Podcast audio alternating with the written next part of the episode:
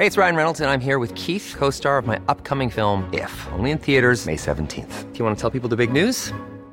All right, I'll do it. Sign up now and you'll get unlimited for $15 a month in six months of Paramount Plus Essential Plan on us. Mintmobile.com slash switch.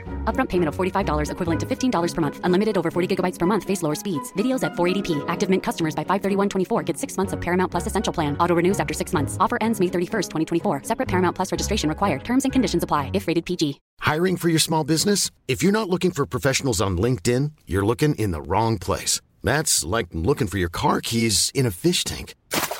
LinkedIn helps you hire professionals you can't find anywhere else, even those who aren't actively searching for a new job but might be open to the perfect role. In a given month, over 70% of LinkedIn users don't even visit other leading job sites. So start looking in the right place. With LinkedIn, you can hire professionals like a professional. Post your free job on linkedin.com slash people today. Millions of people have lost weight with personalized plans from Noom. Like Evan, who can't stand salads and still lost 50 pounds. Salads generally for most people are the easy button, right? For me, that wasn't an option. I never really was a salad guy. That's just not who I am. But Noom worked for me. Get your personalized plan today at Noom.com. Real Noom user compensated to provide their story. In four weeks, the typical Noom user can expect to lose one to two pounds per week. Individual results may vary.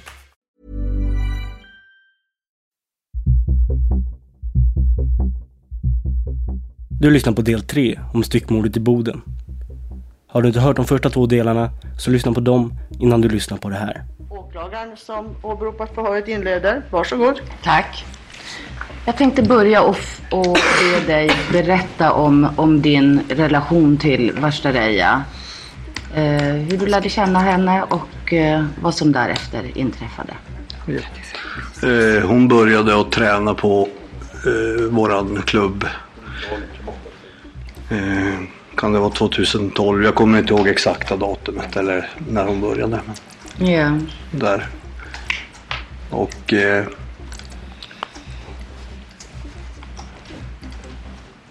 tror efter ett halvår så eh, inledde vi en relation med varann. Menar du då alltså en, en sexuell relation? Ja. ja. Mm. Ehm, kan du beskriva den relationen närmare? Var det intensiv kontakt och så vidare eller var det... I början var det lite sporadiskt, sen blev det mer intensivt och eh, eh, jag försökte avsluta det efter då mot hösten. Mm. Hur gick det då? Eh, Det gick väl inte så bra. Jag fick ganska mycket sms varje månad så att säga. Ja. Senaste månaden innan hon försvann eller blev mördad så fick jag väl 2000 sms eller meddelanden. Ja. Men, Förlåt, 2000 sms eller? ja, 2000 sms meddelanden Mm. på telefonen. Sen var det ju på Facebook hade, fick jag också massor av. Nästan lika mycket. Du hör Vatchareyas karatetränare och före detta älskare, som vi kallar M. Och det stämmer att Vatchareeya månaden innan hon försvann skickade extremt många sms till M. Upp mot 2000 stycken. Och hade sedan ytterligare kontakt via Facebook. Detta smått maniska beteende vittnar även andra ex-pojkvänner till Vatchareeya om. Och man kan inte tolka det på annat sätt än som Kristoffer själv gör när han först träffar Vatchareeya. Att det är ett stalkerliknande beteende. Polisen upptäcker detta när de söker igenom Vatchareyas Facebook och börjar i tidigt skede fatta misstankar mot M. Motivet skulle då vara att kärleksförhållandet M har med Vatchareya bakom ryggen på sin fru samt den enorma mängd sms och kontaktförsök Vatchareya gör med M efter att M har försökt avsluta kärleksaffären. Pressade M i sån grad att han ville göra sig av med henne. Jo, Vi har ju sett i utredningen att det är en, en massiv mängd av, av sms men även Facebook-kontakter. Hur var de själva, eh, att ni träffades, var det eh, lika intensivt eller när avslutades det, om det har avslutats? Eh, ja, vi träffade, I och med att hon tränade så träffades vi ju i alla fall två gånger i veckan ungefär Ja. på träningarna. Men annars så var det väldigt sällan så att säga. Okej. Det, vi slutade att träffas, ja, eller ha en, en sexuell, kontakt i februari 2013 tror jag. Februari 2013. Februari, mars någonting. Ja. Det är sist du minns att, att det Ja. var någon, någon sån fysisk, så Ja. att säga, eh, kontakt er emellan. Ja. Trots att M inte berättar om sitt förhållande med Vatchareeya under sitt första förhör visar det sig dock att han har alibi för tiden då Vatchareeya försvann. Du har ju hört en hel del gånger angående eh, din kännedom och dina kontakter med, med Vatchareeya. Och i det första förhöret som hölls den 8 maj eh, på onsdagen då efter hennes försvinnande med början kvart i sex. Då, och då är jag på sidan 986 för rättens kännedom. Då har du eh, där berättade du ingenting om, om den här närmare sexuella relationen du hade haft med, med Vatchareeya. Eh, I det allra första förhöret pratar vi om nu. nej, Hur kom det sig? jag tror att det var på restaurangen och jag ville inte att det skulle komma fram. Mm. Okej. Du ville inte att det skulle komma till allmän kännedom att ni hade... Nej, och jag jobb, frun jobbade samtidigt så jag... Okej. Sen samma kväll så hörs du igen. Ja. eh, med början 22.41. Och då är du på polisstationen. Ja, jag var, jag var på restaurangen och, och fileade fisk men de kom och hämtade mig då och ville prata med mig igen. Aha, så det var återigen på polisens initiativ som, som du blev hörd och nio? Ja. Ja. Och eh, eh, där eh, berättade du då att du hade varit så att säga, att ni hade haft den här relationen på sidan om och att du hade varit då otrogen mot din fru och, Ja. och så vidare. Ja. Eh, kommer du ihåg vad du gjorde den eh, 4 maj? Jag har svaga minnen men, men eh, jag, tror, jag åkte till restaurangen och målade. Jag håller på att bygga ut den. Så att jag var där och målade. Och sen var jag några besök på affären. Och sen eh, på kvällen eh, åkte jag, jag åkte från restaurangen halv, kvart över fem, halv sex någonting. För vi skulle gå ut och äta. Tillsammans med, med styvdottern och hennes man. Ja. Eh, Och de, där, eh, därifrån åkte vi. Vi var hemma kring halv nio, nio någonting, kvart i nio. När hela restaurangbesöket och allting var Ja. avklarat. Ja. Mm. Vi har ju sett, du har ju ingett, eller det har inhämtats taxikvitton och kvitton från restaurangen. Mm. Va, vad, eh, vad gjorde du därefter? Eh, Då var vi hemma bara, satt och kollade på tv och jag höll på lite grann i datorn. Och, Mm. Och vem var det som var hemma? det var frun. Frun och du? Ja. Ja. Jag fick några sms från, från kompisar under den tiden. Ja.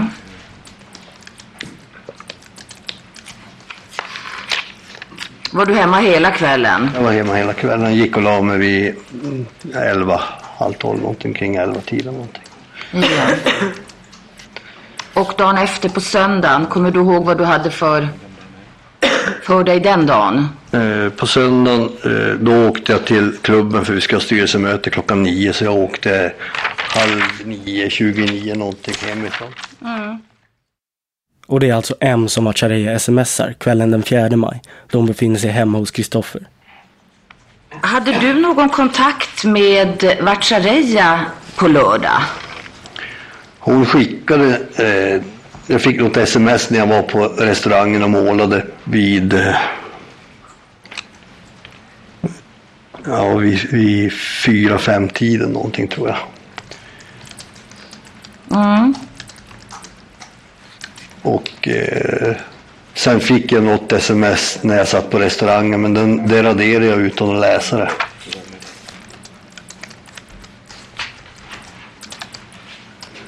Sen, har jag inte, sen efter det fick jag nog inget mera meddelande.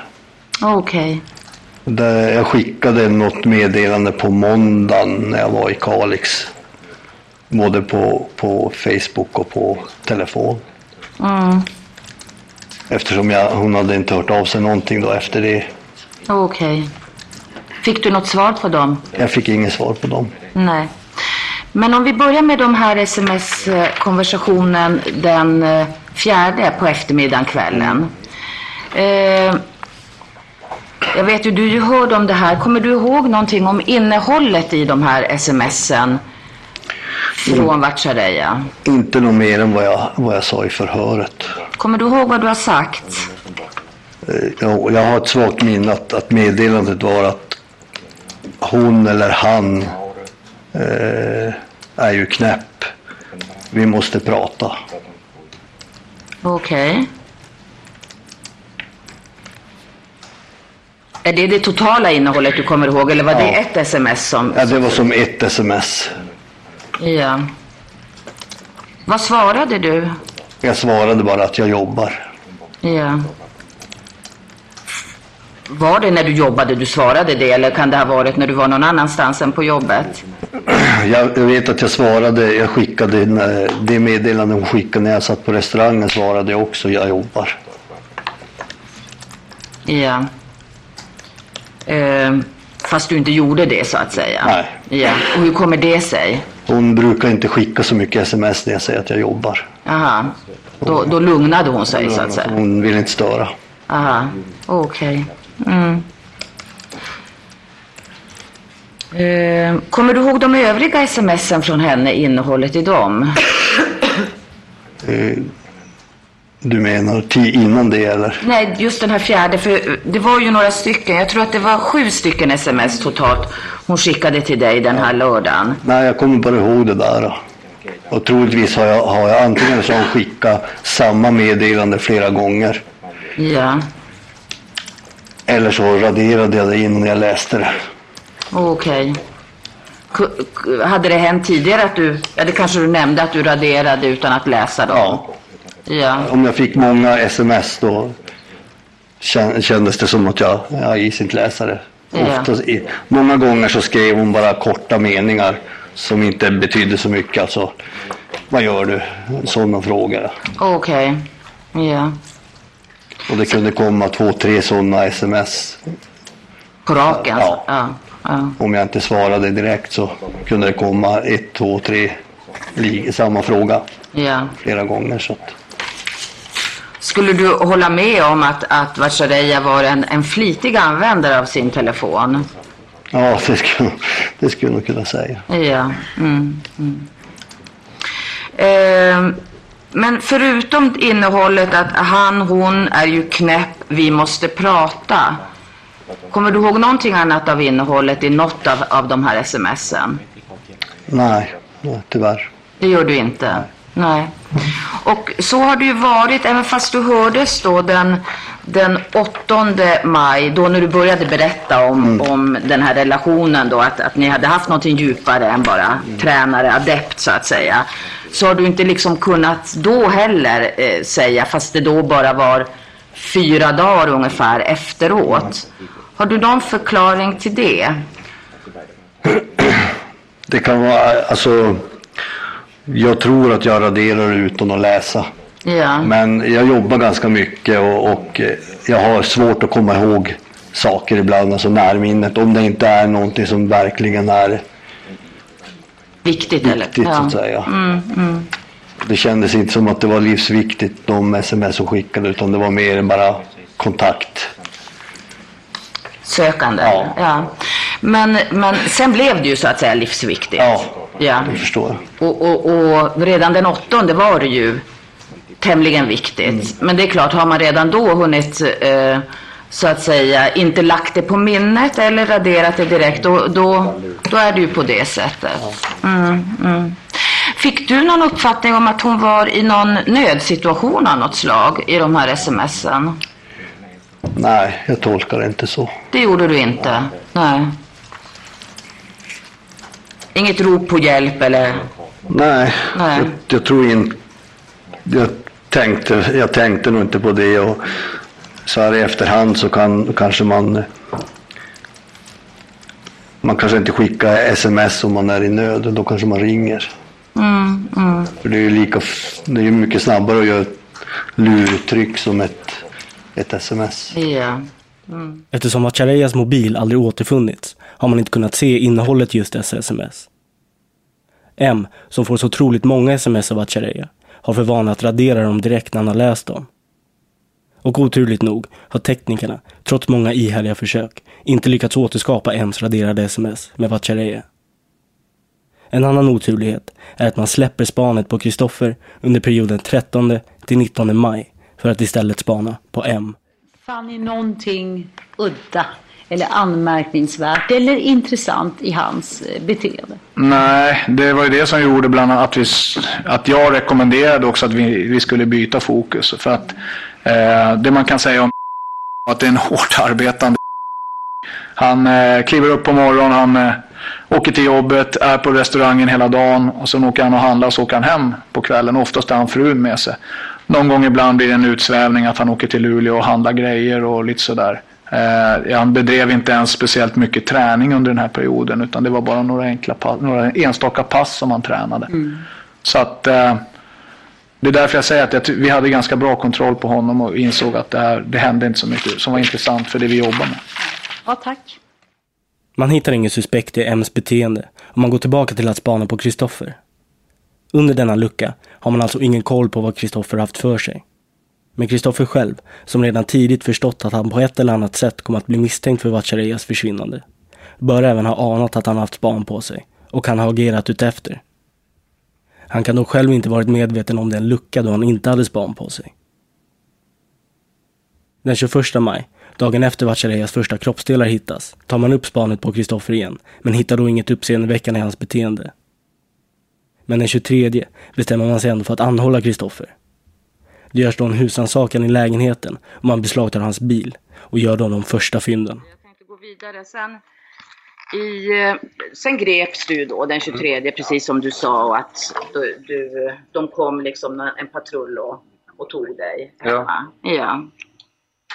Och, och sen så gjordes det ju husrannsakningar som du har sett i, i din bil och i din bostad och sådär. Ja. Och sen påträffades ju det här blodet Mm. i bilen.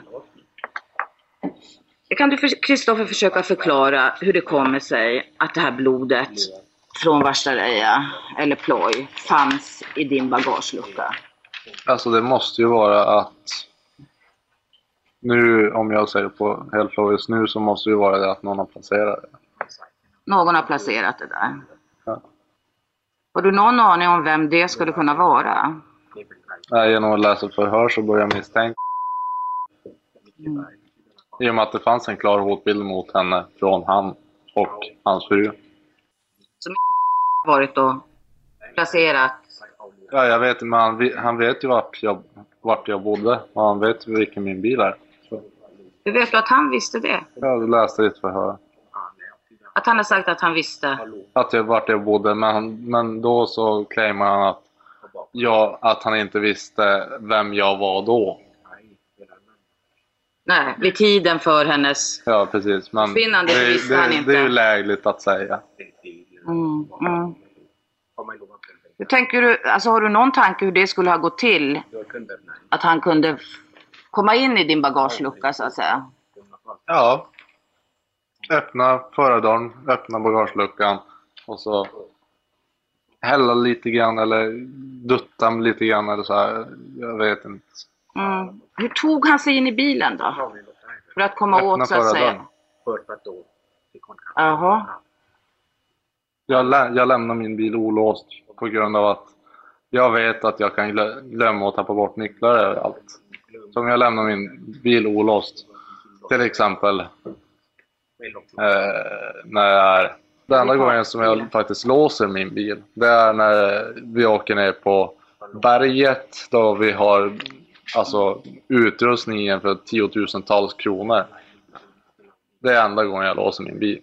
Mm. Och när vi åker på airsoft-spel.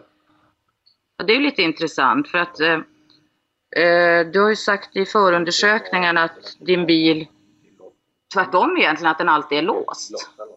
Ja, men det, det låter inte som någonting jag har sagt. Det tycker du inte? Nej. Om vi ser på sidan 17-16 i förundersökningen så har du eh, sagt så här, och då börjar jag läsa någonstans för att få no någon form av sammanhang lite högre upp på sidan där förhörsledaren säger, jag såg att du hade ett gevär i bilen. Jo. Brukar du förvara dem där? Jo. Du är inte rädd att det ska bli inbrott och sånt? Nej, min bil är ju mer eller mindre alltid låst. Ja, men då måste de ha misstolkat. För jag menar mer eller mindre alltid låst när jag har vapen i bilen. Mer eller mindre alltid låst. Det är mycket av det som Kristoffer säger i rättssalen som skiljer sig mot vad han har sagt i de första polisförhören. Och det är i dessa förhör som åklagare Ulrika Schönbeck hittar en mycket anmärkningsvärd uppgift hon gärna vill fråga Kristoffer mer om. Du, åter till det här med, med blodet i bilen och uh, uh, omständigheterna kring det. Du, uh, kommer du ihåg när, när polisen berättade för dig att det var blod från Vashareya som hade hittats Ja. i... Du kommer ihåg det? Ja. Ja. Vad sa du till dem då? Ja, jag liksom undrade vart det var och gissade på att det var i bagageutrymmet. Du gissade på det? Ja. Mm. Det är på sidan 1759 då i förundersökningsprotokollet.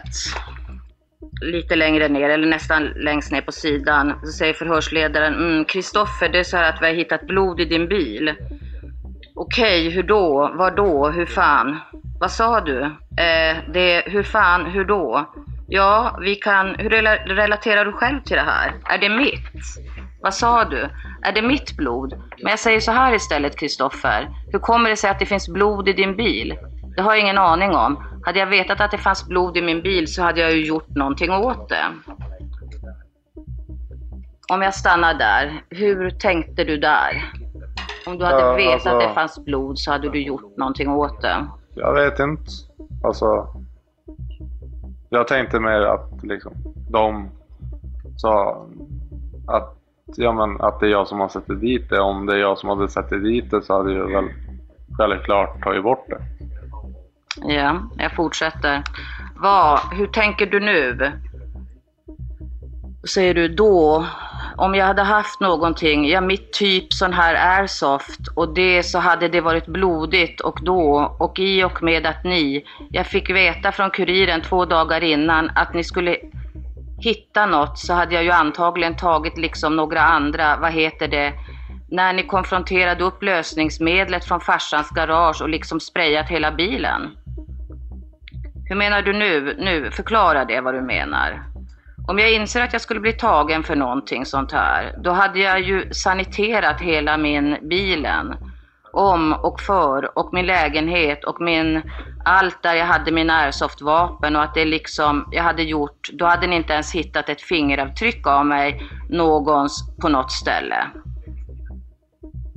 Det är så du tänker, ja det är så jag tänker. För i så fall så, du sa att det är mitt blod. Vad är det, hur tänker du då? Ja men blod som blod, säger du då. Och förhörsledaren, är det det enda du, är det du tänker eller tänker du något annat? Ja, hur hamnade det där? Vilket? Blodet. Tänker på det? Ja, hur hamnade blodet i min bagagelucka? Och det säger du då innan du har fått någon som helst uppgift om att blodet är i din bagagelucka. Ja, jag Du hade ju rätt där. Jag gissade. Ja, det låter inte riktigt så. Ja, hur hamnade blodet i min bagagelucka? Ja, jag gissade på att det var i min bagagelucka eftersom att hade varit jag har ju ljus, ljusklädsel i min bil. Mm. Och det hade ju synts. Jag hade ju upptäckt om det hade varit i, i kupén. Så det är därför så att säga som du förekommer polisen med att säga var det här blodet som har hittats faktiskt var någonstans. Ja, jag gissade på bagageluckan. En annan för Kristoffer komprometterande uppgift är att en tejpbit som man hittade i Vatchareyas hår är av samma typ som den tejp man senare hittade i Kristoffers badrum. Som det dessutom finns en bloddroppe tillhörande Vatchareya på. Jag tänkte att du skulle berätta lite grann om den här tejpen som hittades i din lägenhet. Ja. Hur länge hade den legat där? Den tejpen som jag hade hittat i den där Saaben, det var kanske i februari, januari, februari någonstans. Så hade jag tagit den. Och sen så har den legat på olika ställen i lägenheten. Under, jag kan inte säga exakt vart den har legat, men under olika ställen i lägenheter och jackor och sånt. Okej. Men det är den tejpen som, som vi har sett och som vi har visat Det är en här. likadan tejp. Som du hittade i en bil säger du? Ja. Varför jag hade börjat tvivla på om det verkligen är min tejp, det är ju för att eh, jag har humpat med den, jag har tagit i den och det finns garanterat svett och allt sånt där på den. Men när de gjorde analysen på den där tejprullen så hittade de inte ens Y-kromosomer. De hittade ju ingenting på den där tejprullen som sa att det var min tejprulle.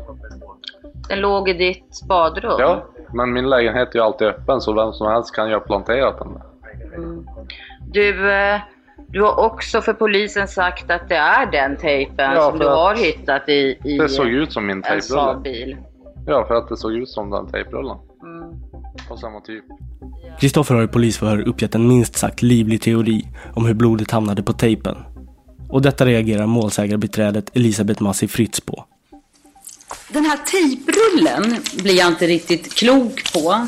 Hur menar du att blodet ska ha hamnat i din lägenhet? Du har ju nämnt att lägenheten är olåst. Mm. Men får jag uppfatta det som att någon har först varit hemma och hämtat tejpen hos dig och använt den i samband med mordet på ploj och sen placerat den tillbaka i lägenheten? Ja, eller det är ju inte omöjligt. Vad sa du? Det är ju inte omöjligt. Nej, det är inte omöjligt.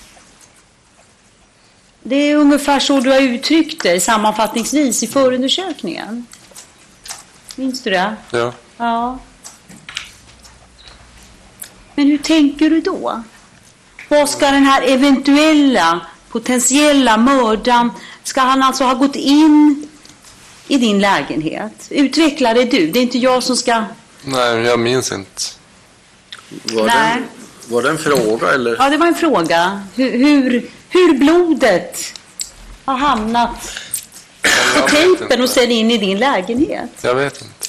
Ingen aning? Nej. Nej. Men du får bara fråga mördaren om. 18.02, förundersökningen. Förhör med dig, Kristoffer, den 10 juni 2013. När man pratar då, det finns en anledning till att vi pratar om tejprullen.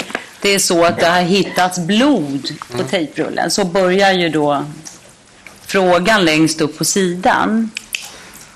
Och då har du svarat lite längre ner. Jag har ingen aning. Då måste ju någon, det måste ju vara någon som har satt dit det. Men hur menar du? Men det måste ju vara någon som har planterat det där. Hur förklarar du det? Men det måste ju vara någon som har typ, och nu kommer det här intressanta, gått in i min lägenhet när jag inte varit hemma och liksom tagit tejprullen och använt den till något. Jag vet inte. Kristoffer, det här måste du förklara, det där måste du förklara lite närmare. Just att få till det här. Men punkt, punkt, handtaget, dragit upp den, öppnat liksom tejprullen, jag vet inte, tar en bit och liksom sätter blod på den och sätter en liten bit i hennes hår. Jag har ingen aning. Men kan du ta det där? Och det har diskuterats flitigt i forumet Flashback huruvida Kristoffer även här uttalar sig om något han ännu inte har fått berättat för sig. Det gäller Kristoffers vetskap om att tejpbiten låg just i håret. Och det hela är något klurigt, för förhörsledarna följer nämligen inte upp uttalandet, vilket leder en till att tro att det för Kristoffer är känt att tejpbiten fanns just där. Att de kanske har pratat om det i ett tidigare förhör. Men så verkar det alltså inte vara, då det helt enkelt inte finns några uppgifter i förundersökningen som tyder på att Kristoffer på något sätt skulle ha fått reda på att tejpbiten fanns just där. Jag har ingen aning.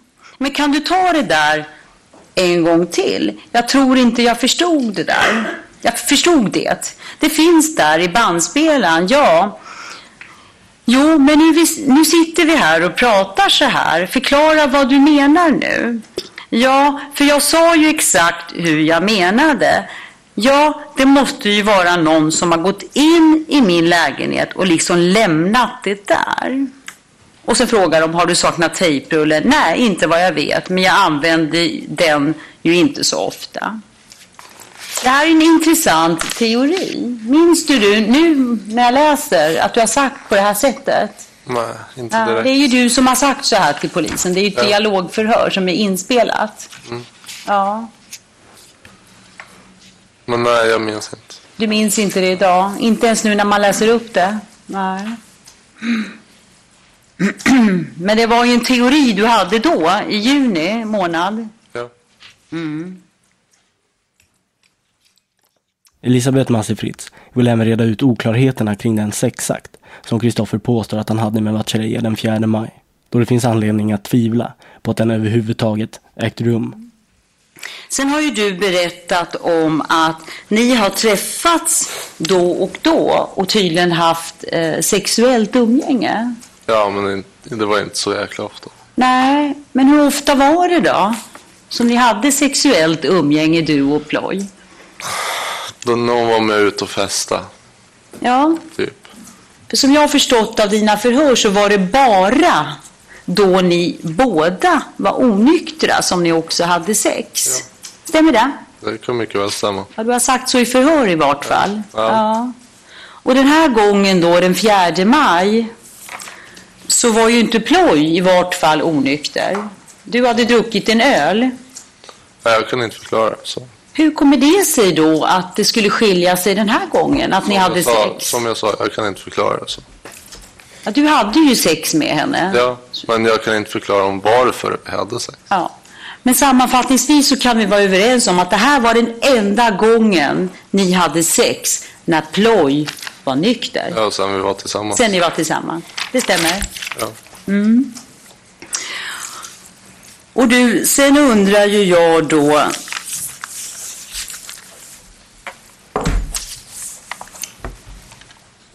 Ni hade ju sex, Mm. säger du. Ganska lång tid, oralt. Ja, jag, jag har ingen tidsuppfattning. Nej, nej, men det har jag förstått och det, det får vi ta för vad det är. Men hon, hon fick en orgasm i alla fall och du slickade henne länge. Ja, Ja, och hon slickade dig länge som jag har förstått. När åklagaren har ställt frågor och du har svarat. ja som jag förstår. Ja. Jag vet inte. Kan du då förklara för oss, som, du har ju tagit del av förundersökningen och alla expertutlåtanden, varför finns det inte ett enda mänskligt DNA-tecken? Ja, det kan jag inte. Vänta, jag har inte ställt frågan än. Tyst. I mun eller i vagina, än mindre i anus hos ploj? Varför just anus? Nej, men jag säger det. Det är en undersökning de har gjort, teknikerna. Varför finns det inte ett enda mänskligt litet spår i den här flickans mun? Ja, vi- i munnen det tror jag att jag kan ha en förklaring till. Men har inte saliv en väldigt bra effekt att kunna bryta ner den? Vad har du läst på det? Eh, Det är någonting som jag kommer, fortfarande kommer ihåg från eh, sexualkunskapen. Med, det var angående aids och att om man hånglar med någon som har HIV eller aids så är det en, en väldigt låg chans att man faktiskt blir smittad eftersom att eh, saliven har en ganska, saliv har ett, är ett bra på att bryta ner saker. Jaha. Så. Jag skulle våga påstå med säkerhet att det skulle finnas DNA-spår. Nu pratar vi inte spermaspår utan någon form av mänskligt spår i mun eller vagina. Om ni har haft det sexuella umgänget som du påstår att ni har haft. Hur länge skulle det här DNA vara? Vad, vad har du för kommentar till det? Det här är väl tekniska Ja, frågor? ja, ja, fast man har rätt att ställa dem, advokaten. Det är inte förbjudet enligt rättegångsbalken. Jag vill bara att du svarar på den frågan. Ja, jag försöker svara. Mm. Tack. Vad var frågan? Hur förklarar du att det inte finns ett enda litet spår Ja, någonstans trots att du har slickat henne och hon har slickat dig? Jag är ju ingen tekniker. Och jag har ingen aning. Men Det är ju en tjej, en ett vittne som har sett henne gå från mig. Så hur länge tänker du dig att mitt saliv ska vara aktivt i henne, bland hennes saliv? Du kan inte förklara frågan alltså? Nej. Precis. vet du vad jag tror? Att du ljuger för oss.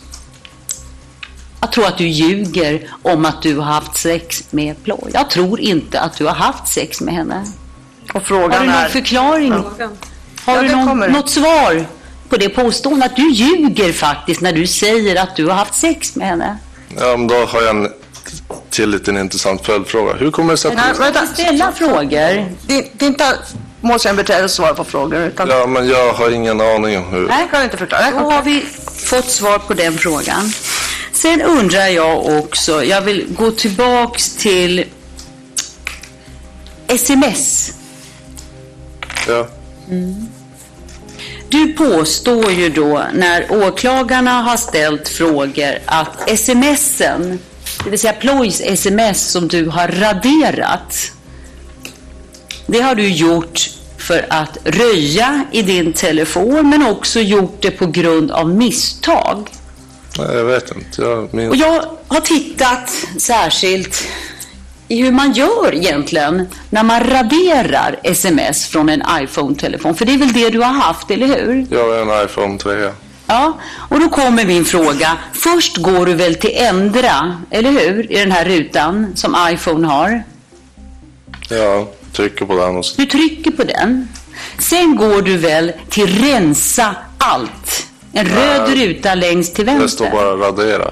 Nej, det gör det inte. Rensa allt.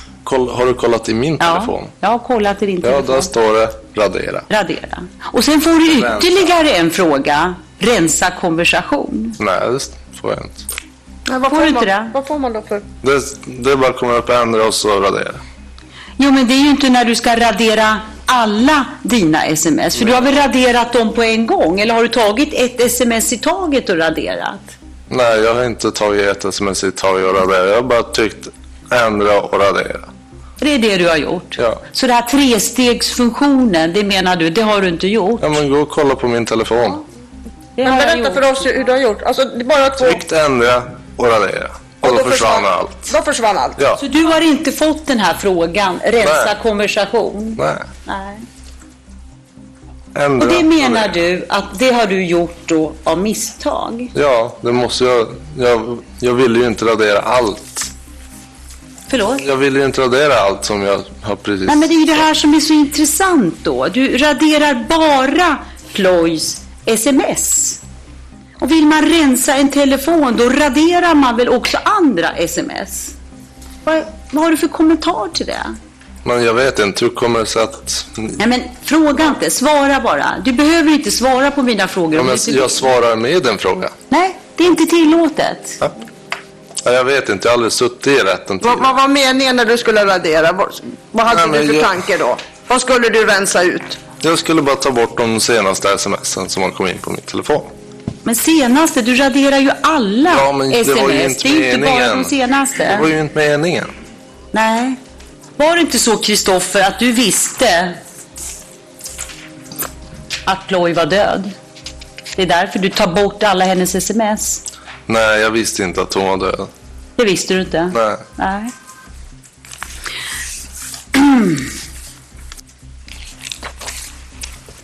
Kristoffer, trodde du att du skulle bli misstänkt för Ploys försvinnande och sen så småningom mordet på henne? Jag visste att jag skulle bli misstänkt om hon hittades död. Varför det? För att jag var den sista som såg hon för att jag är en före detta pojk, pojkvän till henne. Jag visste tre år sedan att jag gjorde slut. Men jag är fortfarande före detta pojkvän. Eh, jag visste att jag skulle bli misstänkt för att eh, vad heter det? jag har de här funktionsnedsättningarna och åklagaren skulle se mig som den där lilla gyllene ankan att plocka. Och vil, vilket jag hade rätt. Hon har, de har ju vägrat att utreda om det finns någon annan person. Trots att de har hittat folk som har motiv, klara motiv. Men har du berättat för dina kamrater, förutom din bror, har du Ja, har berättat jag. för dina kamrater att du Ja. kände dig rädd också för att bli misstänkt Ja, för hennes försvinnande och sen mordet? Ja. Ja. Har du berättat det för din bror? Ja. Ja. Redan efter någon vecka efter hennes försvinnande? Ja. Eller var du orolig hela tiden att bli misstänkt för eh, Ja, men, försvinnande och mord? alltså jag, jag var orolig att om hon skulle hittas död någonstans så skulle jag bli misstänkt. Mm. Mm. Det jag tycker är så märkligt det är ju att du letar, som jag har förstått det, ganska intensivt efter henne fysiskt. Ja. I skog och du är med Missing People och, och du lägger ner ganska mycket tid på det. Ja. Ja, men du lägger ingen tid ens när dina kamrater ber dig, uppmanar dig att ringa till henne. Nej. Och då går du ut och ringer det Ja. Då ringer du och sen går du tillbaks till dina kamrater och säger till dem att du inte fick tag på ploj. Mm. Då ljuger du ju igen för dem. Mm. Varför gör du det? Jag förstår Att de inte detta. För att de tjatade på mig. Ja, men du ljuger ju för dem. Ja, för att de tjatade på mig. Ja. Och varför ringer du inte då fysiskt? Du letar ju efter henne i skogen Ja. med svår terräng. Ja. Men du ringer inte en enda gång. Och, de, och det gör... Men där kanske Kristoffer kan få svara varför han inte ringer. Ja. Ja, jag ringer in för att jag, in, jag resonerar så här att halva Boden har redan ringt den och telefonen är avslagen. Men halva Boden är inte du. Nej. Du var den Ja, men om- som... Kristoffer, du var den som var rädd för att bli misstänkt för hennes försvinnande. Han får inte svara. Jo, har Du var, rädd, svara. du var rädd för att du skulle bli misstänkt för hennes försvinnande. Förklara för Har oss. du, har du ställt frågan Ja, jag klart har nu? ställt frågan. Ja. Ska du vara tyst då? Ja, men svara nu på frågan. Eh, jag ringde inte för att, ja men om, om hon nu skulle ha telefonen avslagen och så här, eh, re, ta och kolla meddelanden någon gång så här, ja, men då skulle hon väl självklart ringa till mamma och pappa. Och inte till mig. Men det kan väl inte du veta? Nej, så, och, men ja, det är så jag resonerade. Ja. Du frågade hur och varför. Det här är varför. Det är så jag resonerar. Ja. Och inte ens smsat henne då? Nej. Nej, av samma skäl då Ja. misstänker jag. Ja. Masse Fritz reagerar även på Kristoffers kontroversiella uttalanden om att blodet i bagageluckan kan ha planterats där av någon som vill sätta dit honom. Och det här med att eh, någon ska ha då lagt blod i bagaget och kanske då en, doft, till och med likdoft i bagaget. Vem är den här personen då som har gjort detta? Jag vet inte. Du måste ju ha en massa fiender och hotbilder. Jag har en massa fiender och jag har en massa hotbilder. Ja. Och vem är den här då, Ja, personen? de som jag har, mina fiender och mina hotbilder, det är en som heter och en som heter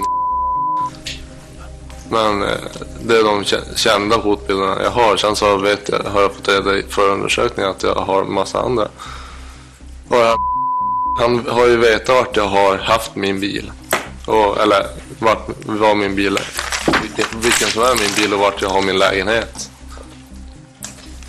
Ja, men varför har du inte en enda gång då nämnt Ja, om det jag, är en eventuell jag person? jag Vänta, har ju känt till han. men det har du ju. Det är karatetränaren M som Kristoffer och Masse Fritz nu refererar till. Nej, Du säger ju att han kände till var du bodde. Ja, och det, det har jag fått veta via den här utredningen. Nej.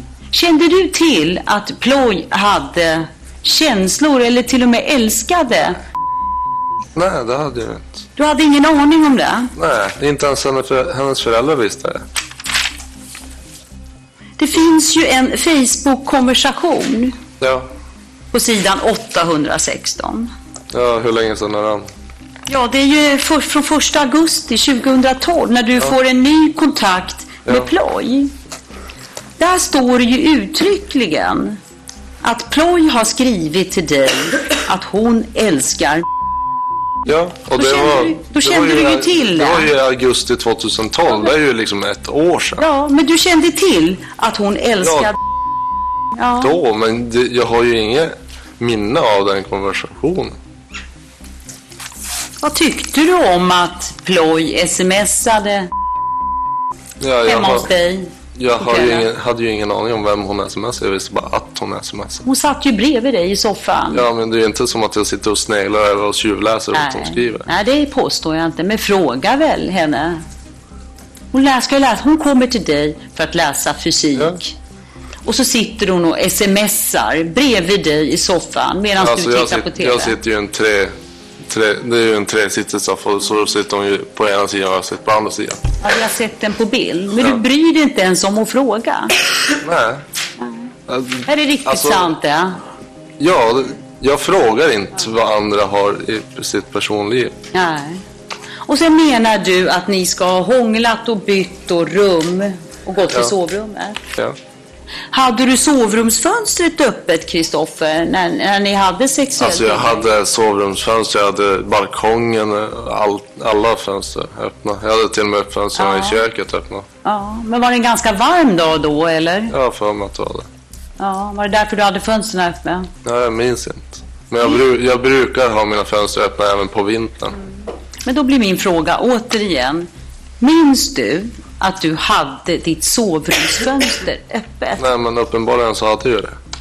Varför säger du så? För att det stod ju ett förhör från, tror jag var något sånt. Ja, och det har du läst på att Ja. han har sagt. Ja, för att han är så, han är så rolig att läsa i. Jaha. Ja. Minns du att du har stängt ett fönster? Nej. Och sen fick du ju då frågor om eh, något eventuellt oljud i fastigheten, i lägenheten. Mm. Och du menar när du fick svar, eh, svara på den frågan att det fanns inget oljud Nej. i lägenheten? Nej. Var tyst och lugnt och Ja. fridfullt. Ja. Ingenting efter hockeyn alltså- eller något sånt heller? Alltså jag vet ju att grannen satt ju på balkongen bredvid och spelade musik. Mm. Ja, ja. alltså men- oljud, alltså skrik och bråk och allt möjligt sånt där, det var det ju inte. Det, utan det var vanliga, vanliga grans, grannljuden. Mm. En hund som skällde på nedervåningen, eh, grannen som sitter bredvid och spelar musik. Så du har i vart fall inte hört Nej. någon form utav skrik? Nej. Nej. När ni går in till sovrummet för att ha sex, ehm, är det så att eh, ni, du stänger av tvn? Och, Nej. Nej, den, den är på. Ja. Mm. Men det kan ju inte ha varit något särskilt högt ljud om Ploy har suttit och pluggat bredvid. ja, jag brukar ha högt ljud på min TV eftersom att jag hör lite dåligt. Jo, men nu var det ju så att Ploy satt och pluggade bredvid i din soffa. Ja? Hade du fortfarande lika högt ljud när hon skulle studera? Ja. Ja. Mm. Jag vill bara fråga en sak varför vi fortsätter att liksom sp- spekulera kring lägenheten när SKL uttryckligt har sagt att min lägenhet inte är en brottsplats. Ja, men det är klart det får ställas frågor till lägenheten. Du, ni har ju varit där. Ja, jag tänkte att vi gjorde det hela dagen igår. Ja, men Kristoffer, vill, vill du ta en paus? Är det jobbigt för dig? Vill du ta en paus så kan jag förstå att det kanske kan vara läge. Ja, Jag har inte precis. så många frågor kvar kan jag säga. Men då kan vi ta, vi tar en kvart nu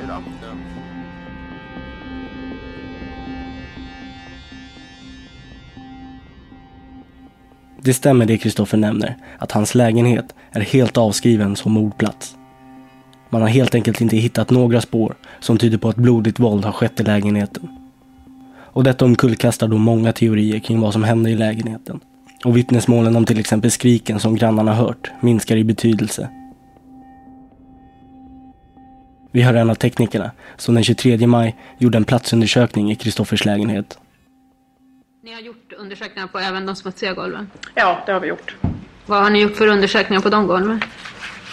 Inledningsvis så belyser vi, går vi runt och tittar och belyser och sen så det vi inte ser så mörklägger vi lägenheten och sen sprutar vi ett eh, preparat över för att kunna få fram blod eller blodbilder som, som inte är synlig för ögat, antingen bortstädade eller så att vi inte ser dem. Mm. Och det fanns inte på någonstans på golvet i något Nej. rum? Ni, sa, ni gick vidare med köket och gjorde någon mer avancerad utredning där? det, det är en sån undersökning vi började med för att den var renare än de andra Aha. ytorna. Så det var, det var renare rum än de andra. Okej, ni började där men ni gjorde samma undersökning i alla rum? Jo, i badrum och eh, vardagsrum. Sovrummet då? Nej, det var så jämnt smutsat så att där tyckte vi inte någonting var renare någonstans. Ja, ja. Och då är det rätt uppfattat att ni menar att det, det, hade inte varit städat sen Nej, sen en längre tid. Det, det var inte, det, den var inte smutsig på så sätt att det har nytillkommit smuts utan det är en längre tids smuts i Mm. lägenheten. Och då bedömningen längre än den 4 maj då? Ja. Mm. Teknikerna går alltså igenom kök, badrum och vardagsrum efter spår, men väljer att hoppa över sovrummet som de bedömer är så pass smutsigt att den inte kan ha städats på mycket länge, sedan innan den 4 maj. Tanken är att om rummet inte städats så bör det finnas påtagliga och synliga spår, vilket det uppenbarligen inte gör. Men värt att uppmärksamma här är att Kristoffers boendestödjare, som vi hörde i del 1, faktiskt vittnar om att han och Kristoffer tillsammans städade just sovrummet den 7 maj. Så teknikernas bedömning att sovrummet inte städats efter den 4 maj är felaktig och leder till att sovrummet aldrig undersöks ordentligt. Vi hör vidare om hur tejpen påträffades i lägenheten. Eh, ja, den här tejprullen den hittade ni ganska tidigt, eller var du som hittade den? Du kanske sa det, men var, var i badrummet befann den sig? Den stod eh, direkt innanför dörren. På höger sida finns ett plåtskåp. Uppe på plåtskåpet stod den. Det Ja. finns på foto där. Mm. Eh, fanns det några brytmärken eller någonting på ytterdörren som tyder Nej. på att... Varken dörr eller fönster. Ingenting sådant alls? Nej. Hallen, gjorde ni undersökning av den också? Eh, den har vi belyst men den har också varit eh, så jämnt smutsig så den har vi inte blodsprutat. Nej, okej. Eller med framkallning. Så det är samma som sovrummet då? Ja. Mm. Ja, eh, är det någonting, kan du, vad drar du för slutsatser av den här platsundersökningen av lägenheten? Ja, vi, vi har inte hittat något eh, blodstänk eller blodbilder som tyder på att eh, blodigt våld ska ha skett i lägenheten. Mm. Det finns ytterligare en oklarhet gällande lägenheten. Den 4 juli söker en polisman genom badrum och vardagsrum med sökhunden Kompis, som är utbildad i att markera förekomst av tre målsubstanser. Blod, sperma och mänsklig förruttnelsedoft. I badrummet reagerar inte hunden på någonting, men i vardagsrummet uppvisar hunden ett stort intresse. Jag läser ur polisens rapport från förundersökningen. Hunden genomsöker golvyta samt soffa och soffbord. I det vänstra bortre hörnet, sett från dörren mot hallen, ökar hundens intensitet och intresse. Hunden söker sedan intensivt parkettgolvet och mot golvlisten mot sovrumsväggen. Hunden vänder och frågar mot föraren innan söket återupptas. Hunden uppvisar ett påtagligt förhöjt intresse. Hunden tas då ut ur rummet och möbler och golvlånga gardiner flyttas för att ge hunden bättre tillträde till ytan och söket återupptas. Hunden anvisas då söka andra ytor i rummet, men återvänder själv till samma hörn och intensitetsökningen kvarstår. Markeringen påminner om de markeringar som uppnåtts under träning när en större yta kontaminerats genom torkning eller urvattning. Hunden kvarlämnas i sin markering utan att belönas eller avbrytas och efter cirka en till två minuter återupptar hunden söket på samma yta och kommer nästan omedelbart ner i en förnyad markering cirka 15 till 20 centimeter från den första och vill då ej lämna. Detta tyder på att en större yta är kontaminerad av målsubstansen och att hunden därför inte kan lokalisera en specifik punkt. Vidare visar hunden under söket intresse för en skurkvast som stod uppställd i hörnet mot sovrummet. I polisens sammanfattning av rapporten står det På grund av de stora ytor som anvisats och den begränsade tiden för att genomföra söket kan det inte uteslutas att små kontamineringar, droppe etc. har undgått att markeras. Detta har klargjorts för utredande personal som gjort ett taktiskt beslut om att det som eftersöks på de aktuella platserna inte är av droppe eller molekylkaraktär. Om vidare utredning skulle påvisa behov av ett sådant sök rekommenderas att söken av dessa avgränsade ytor upprepas och att man då ansamlar fler hundar över en längre tid för att möjliggöra ett sådant sök.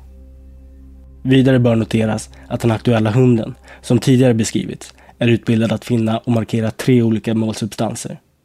Det är därför viktigt att personal som genomför den tekniska undersökningen av markeringarna har detta i beaktande för att på så sätt kunna utesluta vilken av substanserna som markerats.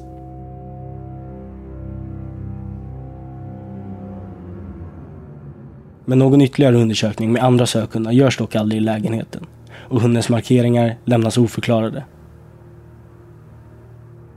Lägenheten är dock definitivt inte styckningsplatsen då en betydligt stor mängd spår och blod då skulle upptäckts. Och när vi nu hör rättsläkaren som obducerade Vatchareeya berätta om det våld Vatchareeya utsattes för under sin dödskamp blir det även svårt att se hur detta våld skulle kunna ha skett i lägenheten utan att det lämnat mer spår efter sig. Och jag varnar för starkt innehåll.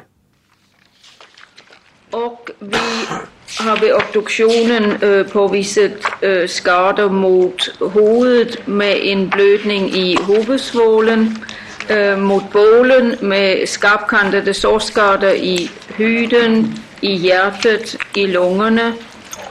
Øh, vi har påvisat överhudsavskrapningar, underhudsblödningar och inre blödningar. Mot mod øh, de övre extremiteterna har vi påvist ett øh, øverhudsafskrabninger och underhudsblödningar och mot benen fanns överhudsavskrapningar.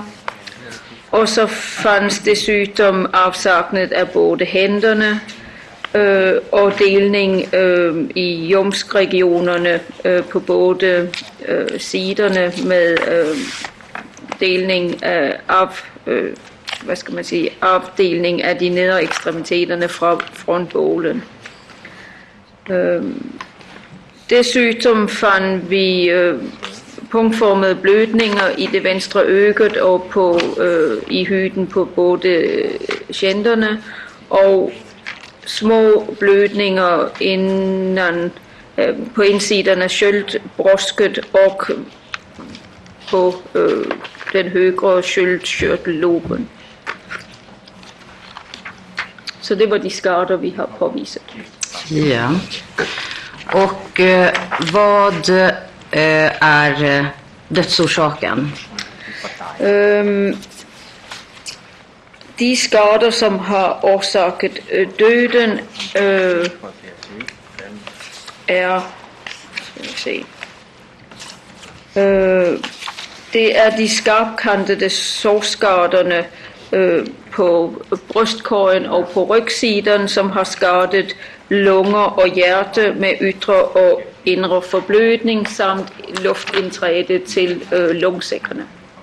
Ja. Eh, om jag har förstått det rätt så fanns det två stickskador på framsidan av bröstkorgen. Ja.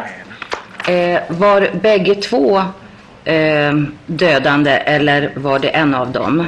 Øh, den övre av de två skadorna var ganska ytlig och går bara in i, i den underliggande muskulatur och den nedre av skadorna øh, gick in genom bröstkorgen och in i øh, själva hjärtat.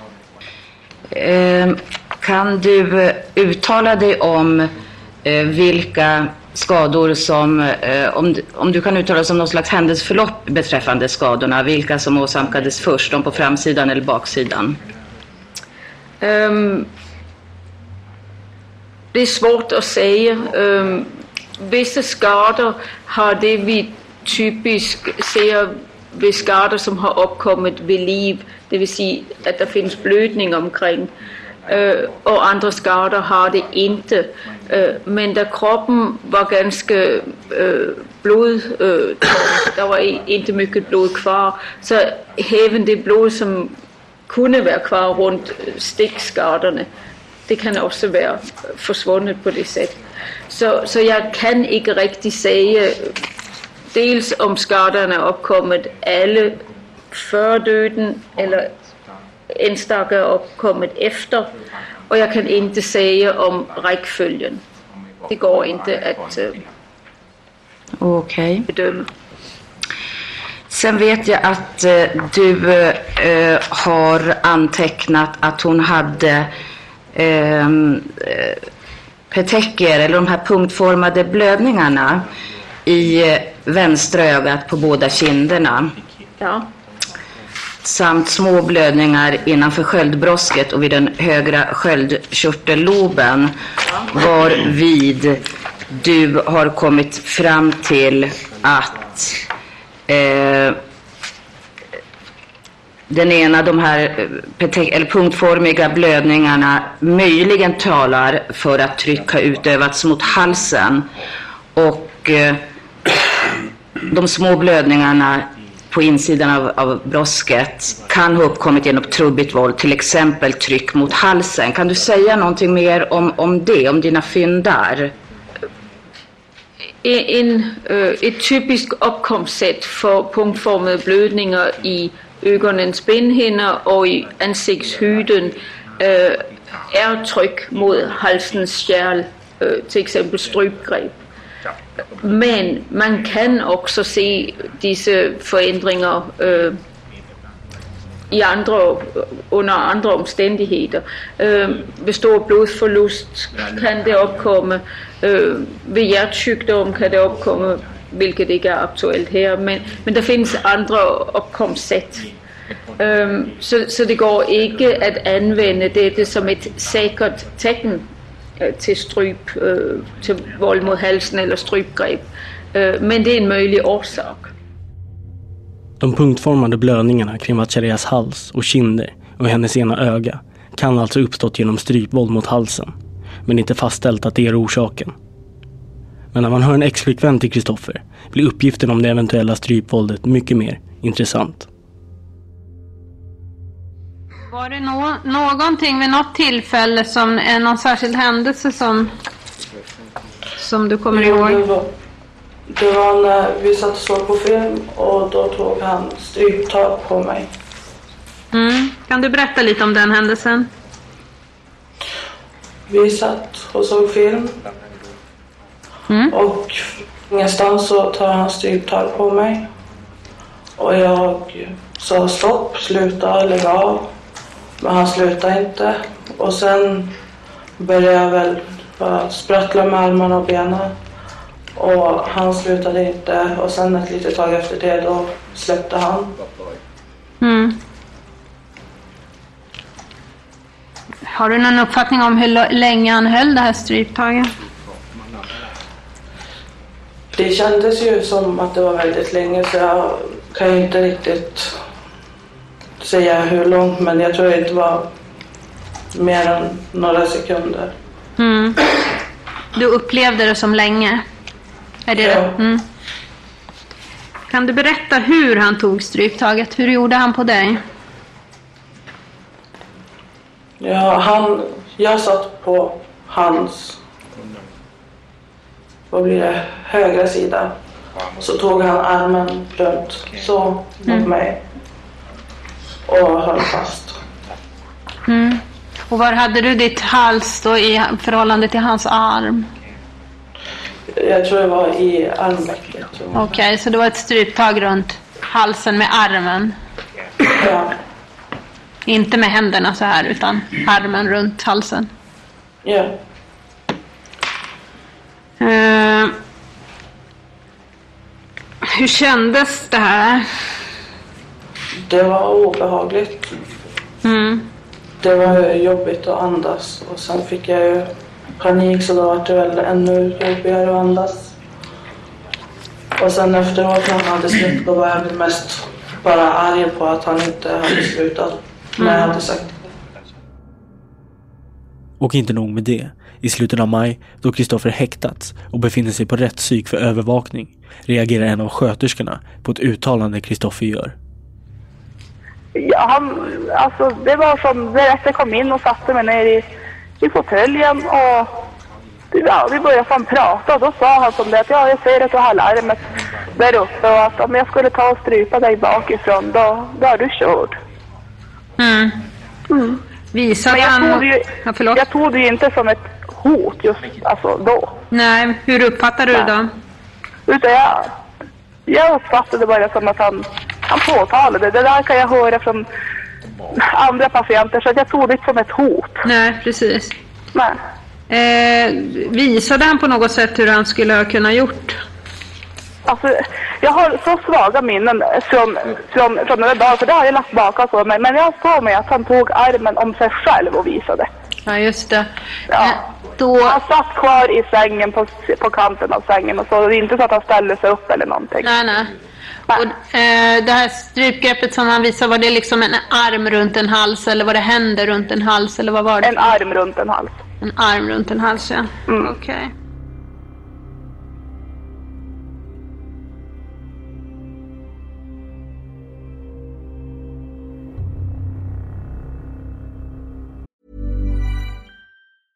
I'm Sandra, and I'm just the professional your small business was looking for. But you didn't hire me because you didn't use LinkedIn jobs. LinkedIn has professionals you can't find anywhere else, including those who aren't actively looking for a new job but might be open to the perfect role, like me.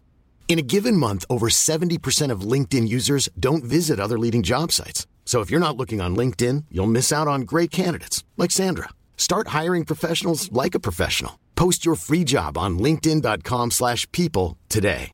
If you're looking for plump lips that last, you need to know about Juvederm lip fillers. With Juvederm Volbella XC and Juvederm Ultra XC, your lip look, whether it's subtle or bold, can last up to one full year with optimal treatment and no additional maintenance. Find a licensed specialist and see if it's right for you at juvederm.com today. That's J U V E D E R M.com. Add fullness to lips in adults over 21 with Juvederm Volbella XC or Juvederm Ultra XC. Do not use if you have severe allergies or a history of severe allergic reactions, or if you're allergic to lidocaine or the proteins used in Juvederm. Tell your doctor if you have a history of scarring or taking medicines that decrease the body's immune response or that can prolong bleeding. Common side effects include injection site redness, swelling, pain, tenderness, firmness, lumps, bumps, bruising, discoloration, or itching. As with all fillers, there's a rare risk of unintentional injection into a blood vessel, which can cause vision abnormalities, blindness, stroke, temporary scabs, or scarring. For full important safety information, visit juvederm.com. Hey, it's Ryan Reynolds, and I'm here with Keith, co star of my upcoming film, If, only in theaters, May 17th. Do you want to tell people the big news? All right, I'll do. it. Sign up now and you'll get unlimited for $15 a month and six months of Paramount Plus Essential Plan on us. Mintmobile.com slash switch. Upfront payment of $45 equivalent to $15 per month. Unlimited over 40 gigabytes per month. Face lower speeds. Videos at 480p. Active Mint customers by 531.24 get six months of Paramount Plus Essential Plan. Auto renews after six months. Offer ends May 31st, 2024. Separate Paramount Plus registration required. Terms and conditions apply if rated PG. Och så har vi då uppgifterna kring Kristoffers hundvalp. En smålandsströvare han kallade för Grabben. Som på ett mystiskt sätt avled och försvann den 17 februari 2013. Hundens död är inte direkt förknippat med mordet på Vatchareeya, vilket även Kristoffers advokat kommer att poängtera. Men ämnet fick ändå en hel del spelrum under rättegången. Jag kunde inte. Ja. Egentligen hade det varit bättre om jag hade väntat med att skaffa hund tills jag liksom har ett hus och kan sätta upp en hundgård och sånt. Ja. Och den Eller, lämnades hemma och den, om jag har förstått saken rätt, bajsade och kissade inne och sådär. ja. Ja. Ja, hur gick det sen då? Eh, den hade ju, den höll ju på att byta tänder. Mm. Den var ju och gnagde på allting, bland annat eh, så här. eh, Den höll, på, den höll ju på att bita på möbler och, och mina airsoft-utrustning. Och eh, jackor och allt möjligt. Och så, ja till slut så hittade han eh, kabeln från datorn. Så, och den tuggar på ett dåligt ställe, alltså den tuggar innan själva transformatorn. Han tuggar efter, alltså laddboxen, så hade den nog inte dött. Men nu så tuggade den då och så fick den 220 volt i sig. Mhm.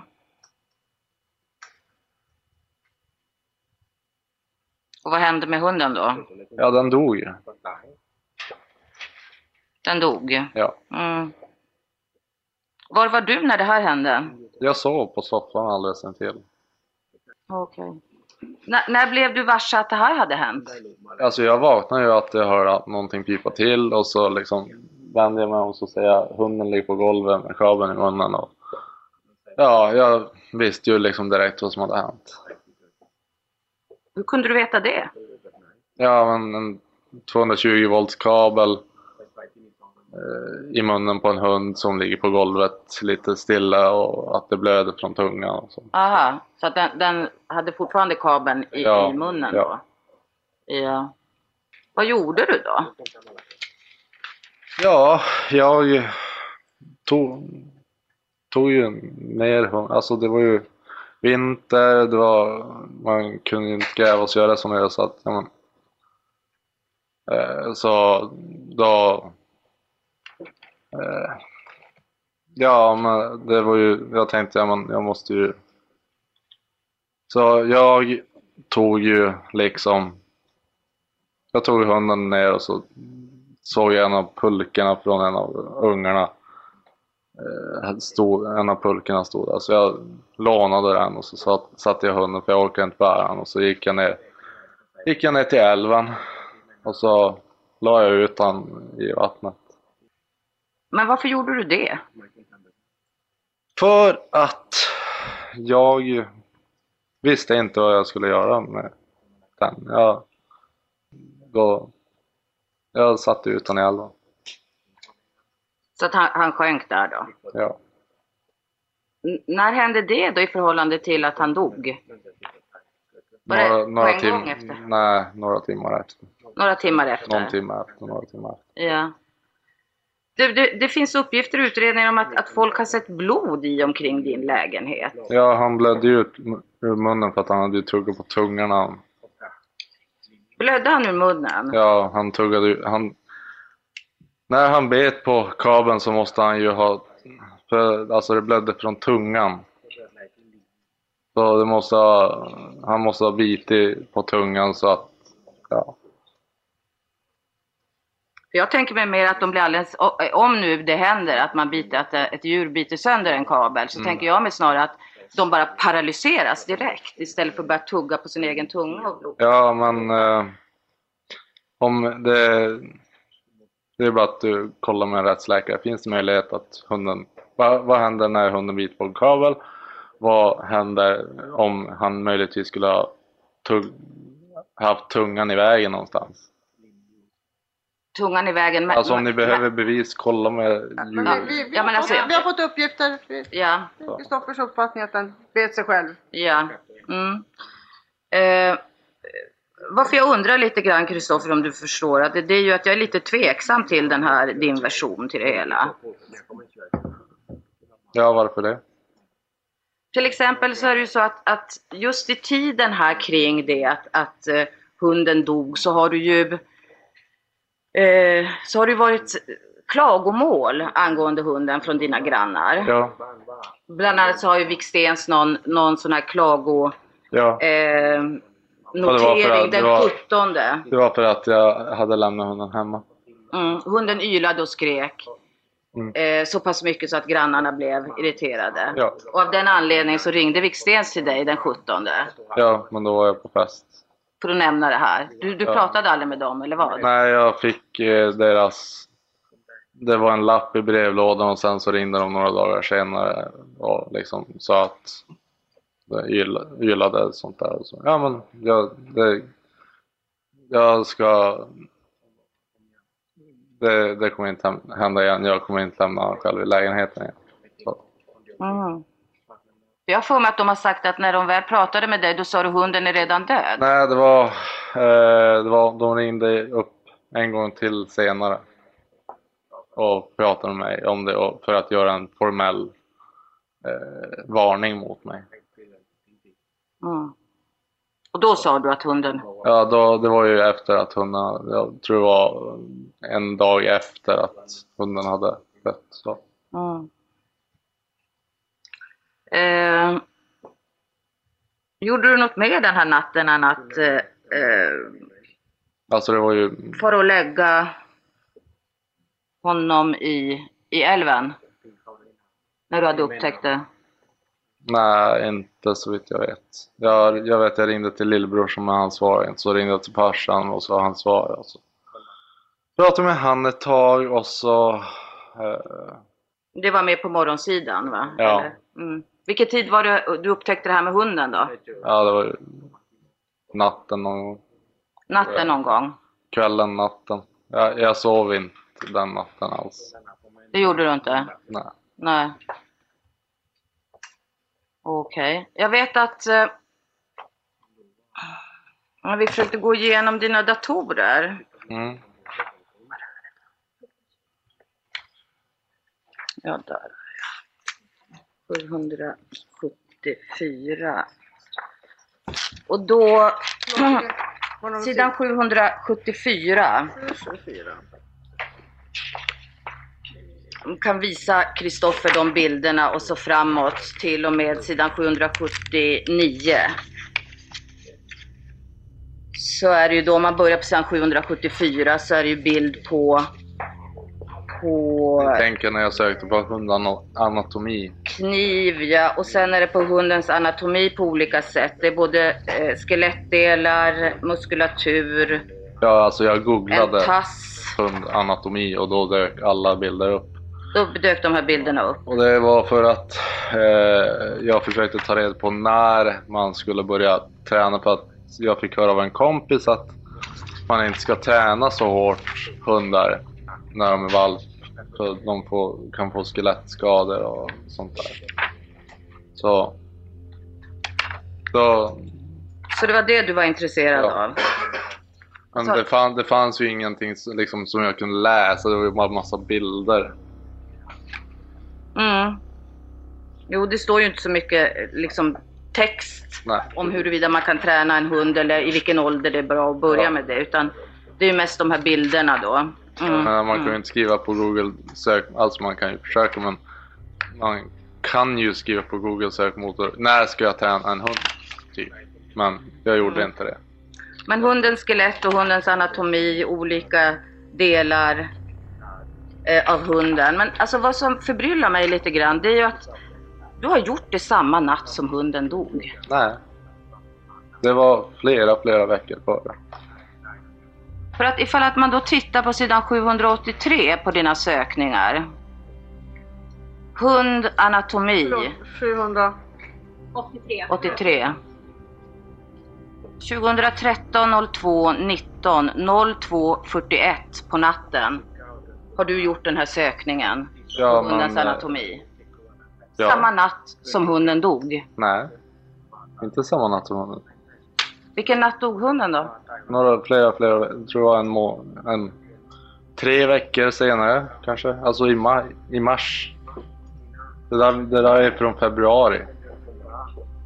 Okej. Han sa ju februari, mars. Ja. Har ni någon exakt Eh, dödsdatum? Jag tänkte just komma till det. Det är nämligen så att du har smsat eh, till, eh, till Ploy den 19 februari 2013 klockan 17.36 och då är jag på sidan 634 i förundersökningsprotokollet. Och där har du skrivit så här. Grabben dog i natt. Ja, men då, det är nog, då måste jag mena något annat. För min hund, han dog i mars. Varför skrev du så där till Värsta då? Jag har ingen aning. Och eh, Värsta Reja skriver Oj, vad har hänt? Ring mig 18.30, vill snacka. Sen frågar hon Hur dog han? Sjuk. Sen svarar du Han tuggar på en 230 volts, volts kabel. Ja, men då måste jag ha tagit fel på dödstiden. Då kan ha dött i... Det var inte... Jag inte... Om du försöker applicera att jag har mördat min hund, då kan du gå och hänga dig. Varför det då? Att jag älskar min hund mer än något annat.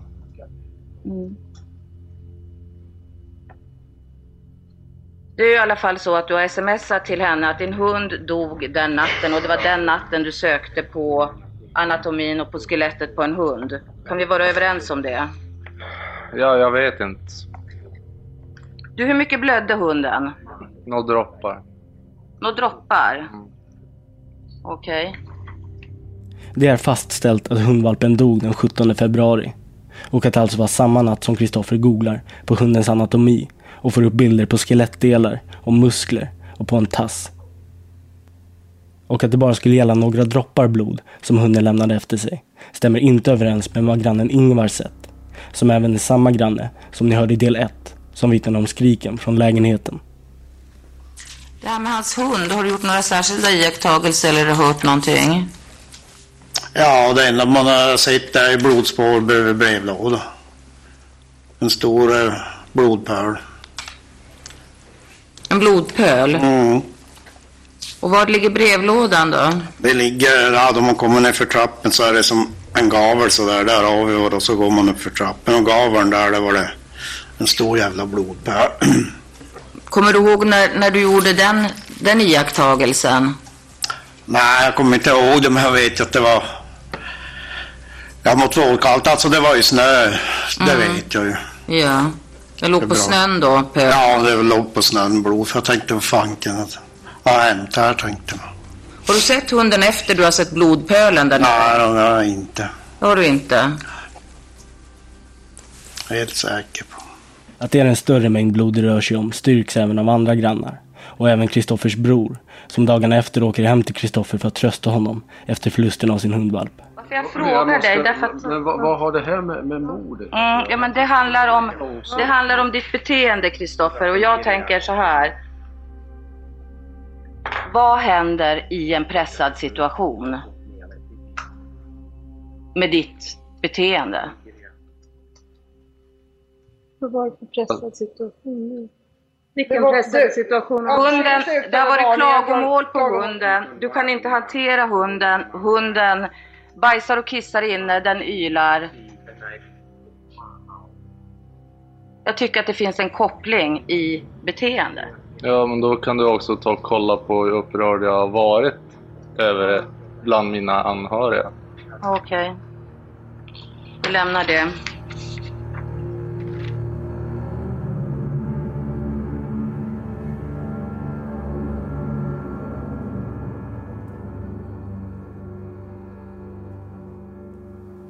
Några månader innan Matchereyas försvinnande pratade även Kristoffer med sin kompis A om hur man skulle kunna komma undan med ett mord.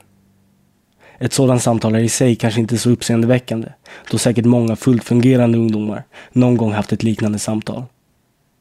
Men det som är uppseendeväckande i Kristoffers fall är de specifika och välgrundade tankar, tillvägagångssätt och detaljer gällande utförandet av det perfekta mordet som på vissa ställen speglar händelserna kring Matchereyas försvinnande. Sen tänkte jag också fråga dig, eh, har du haft något enskilt samtal med Kristoffer om hur man skulle kunna komma undan med ett mord? Vi har pratat om det. Det, det jag kommer ihåg. Ja. Det var ett så här engångssamtal. Och de... Ja, och när var det samtalet då?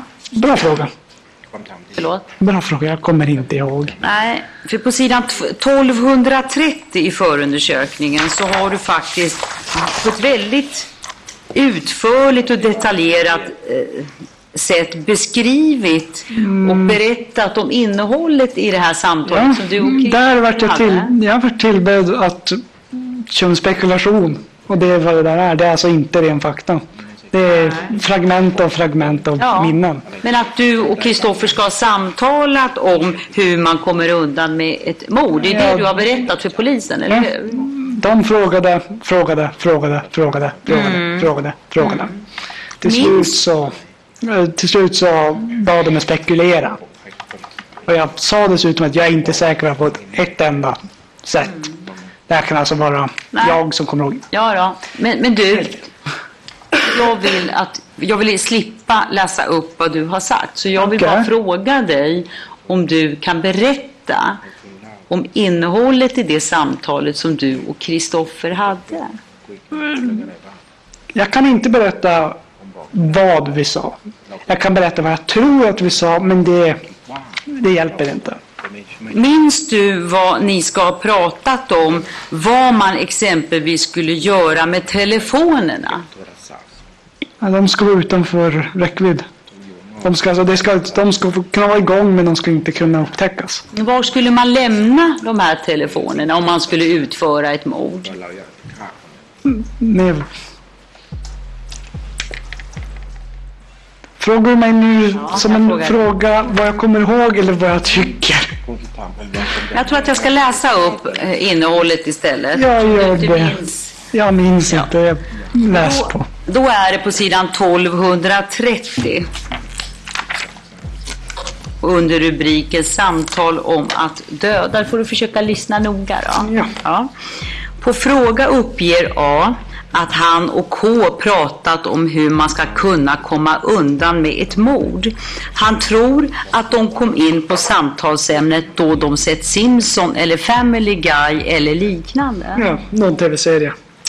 A menade att man skulle komma undan med mordet om man mördade någon med många fiender samt att man inte skulle ha någon kontakt med offret. Ingen som helst relation med denne sedan tidigare eller efter. Inget ska finnas som kan koppla gärningsmannen med offret eller brottsplatsen. A menar att detta är omöjligt eftersom man inte har någon anledning att mörda någon man inte har någon relation till. Och, det, och om det sker så lämnar man alltid spår efter sig. På fråga uppger A att det var länge sedan detta diskuterades, cirka två till tre månader sedan. De två var hemma hos honom, de var själva där och då där och då. På förtydligande tillfrågas A om detta var samtalsämnet de hade sist A var hemma hos K. Då A tidigare i förhör sagt att han var hos K vid tiden på året då snön smälte. K menade att han skulle ta sig in osedd och sedan använda sig av någon typ av gift, vilket kommer från blåfisken och inte går att spåra, för att sedan ta bort kroppen så att den försvinner. A menade att giftet inte skulle gå att bevisa, så i detta fall borde man bara kunnat gå därifrån.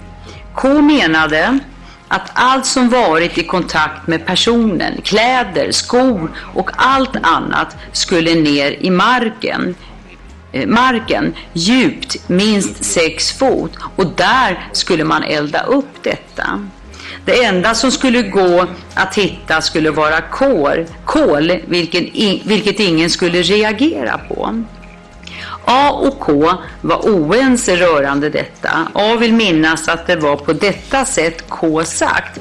Han menar att de har sorterats in under, under mindre viktiga samtalsämnen och därför har han inte lagt detaljer på minnet vad som sagts. På fråga uppger A att K uppgivit att väderkvarnshöjden eller sjön där bredvid skulle vara en bra dumpningsplats. Detta skulle i så fall ske i samband med att en övning bedrivits eller skulle bedrivas. Då det skulle göra mycket av spåren skulle ha blivit förstörda av stridsvagnar och liknande. Det skulle också göra folk mer försiktiga att söka av rädsla för att det skulle finnas mycket sprängmedel där. I övrigt har de pratat om bra dumpningsplatser som, och nu är det ett citat då, mitt ute i ingenstans, citat slut, på icke trafikerade ställen långt bort. På fråga om var detta ställe skulle vara i Boden uppger A att det inte är Boden vi pratar om. A uppger spontant att det finns så mycket master som skulle göra att man inte är i radioskugga här i Boden. A menar att det finns några få ställen i Boden med radioskugga, men de är få. A vet inte riktigt vad dessa är. A tror att K vet var några av dessa är eftersom K varit med hemvärnet. Dessa platser är ofta runt bergen. Så vänder vi sidan 1231. I riktigt avlägsna områden slutar telefonerna registrera var man är. Man bara försvinner. Detta gör såklart att man också ska lämna telefonerna hemma då man lämnar i syfte att mörda eller dumpa någon eller begå ett brott överhuvudtaget. TVn ska också lämnas påslagen har de pratat om. K har varit med i hemvärnet och denne har berättat att han fått lära sig mycket om bland annat radiokommunikation och vad A vet så ingår även information om radioskugga i en sådan utbildning. Detta har de pratat om då de pratat om airsoft. På fråga om de två diskuterat nu är det då citat, lämplig brottsplats uppger A att han tycker att det skulle kunna vara mitt på öppen gata. Men huvudsaken är att man som gärningsman är långt borta, helst en och en halv kilometer bort. Det finns endast ett vapen som klarar av detta, säger A. Ks teori var att man skulle komma nära på ett sätt så att man inte ses eller hörs. Hans teori gick ut på att det skulle vara en plats där ingen ser eller hör något. På fråga vad denna plats skulle kunna vara i Boden uppger A som exempel lador, bunkrar och förråd som inte längre används, som inte är bevakade eller larmade. A ger som exempel Rödbergsfortet, dock är det ett dåligt exempel då fortet används, säger A. På fråga om de pratat om hur det skulle kännas att döda någon uppger att han inte tror att de har pratat om det. Känner du igen det jag har lärt? Det var ett väldigt Ja, mycket att läsa och det där är väldigt förvirrande. Jaha. För att hälften av det där, det är min egen teori, hälften är fragment av vad jag tror hans teori är. Så det där är inte riktigt... Ah, hur ska man förklara? Ja, Jag har bara läst vad Jag du vet, har eh, det, sagt. i det sa jag till dem också. Det, är, det är så. Men det är ändå fört alltså, ganska detaljerade diskussioner om hur man skulle kunna komma undan med ett mord. Har det bara varit vid ett Det tillfälle? är vid ett tillfälle. Och, ja. Brukar du och Kristoffer och andra kompisar ha den här typen av samtal? Nej, men jag tror vi påverkade, samtalsämnet påverkades troligast av någonting vi såg på tv som sagt. Mm. Men triggar det igång er då när ni tittar på TV? Triggar det igång en sån här diskussion? De här tankarna? Det var med att vi båda satt och började prata. Ja, okej. Då ska jag lämna den frågan. Jag har inga fler frågor, tack. Den 15 november 2013 är den sista dagen i Piteå tingssal och åklagaren Ulrika Schönbeck håller sin slutplädering. Följande ljud kommer från ett klipp som Sveriges Radio sände strax därefter och alltså innan Kristoffer dömts, så därför har de censurerat hans namn. Han har genomgående gett långsökta, orimliga och ologiska förklaringar till sitt be- beteende i centrala delar. Han har ändrat sina uppgifter över tid. Finns det då någon alternativ mördare? Utan tvekan nej. Det finns alltså ingen tänkbar person som skulle göra det mycket långsökta att döda Ploy för att sedan sätta dit för mordet. har mördat Ploy den 4 till 5 maj. Han har därefter styckat och transporterat hennes kropp. Det finns flera luckor i händelseförloppet. Vi vet inte varför han gjorde det. Vi vet inte heller var han gjorde det. Och inte heller i vilken ordning huggen skedde. har inte gett oss de uppgifterna. Vi kan dock konstatera att han har utövat upprepat stick och huggande våld mot Ploys vitala delar och sannolikt även dessförinnan utsatt henne för strypvåld. Har uppsåtligen dödat Ploy. Vi vet att dödsförloppet och dödskampen har varit utdragen och det måste ha inneburit en stark dödsångest och ett avsevärt lidande för Ploy som endast var 20 år gammal. Efter döden påverkar bedömningen av gärningens allvar i skärpande riktning. Sammantaget menar vi att straffvärdet för den här gärningen motsvarar livstidsfängelse. Med hänsyn till person och slutsatsen i den paragraf 7-utredning, undersökning som inhämtats, är vårt yrkande idag att ska genomgå en rättspsykiatrisk undersökning. Ska kvar bli i häkte. Inga restriktioner behövs härefter. Jag är övertygad om att vi har rätt gärningsman. Jag är övertygad om att det är han som har bragt offret om livet. Jag tycker att det finns väldigt mycket besvärande teknisk bevisning mot honom. Kroppen kan ju inte ha promenerat, eller blodet har inte promenerat till hans bagage av sig själv. Det måste ju ha varit han som har placerat en död kropp eh, och likdelar i hans eget bagage. Det är uteslutet med någon annan teori om att blod på något vis ska ha smetats dit eller överförts. Det har också från den tilltalades sida pratat om att han skulle ha någon hotbild mot sig och att någon vill honom illa. Men han har inte kunnat klämma fram vem den här personen är. Elisabeth Massi Fritz har stor erfarenhet av att vara just målsägarbiträde. Och hennes klienter, mamman till den mördade Watareya och styvpappan, ja, de var uppenbart mycket tagna av att vara på plats i rätten. Mina klienter har mått väldigt dåligt och de har varit i behov av förklaringar vid pauserna och samtal eh, om vad som har sagts i rättssalen. Ja, som ni alla säkert kan se så är ju det här en väldigt plågsam och förskräcklig upplevelse.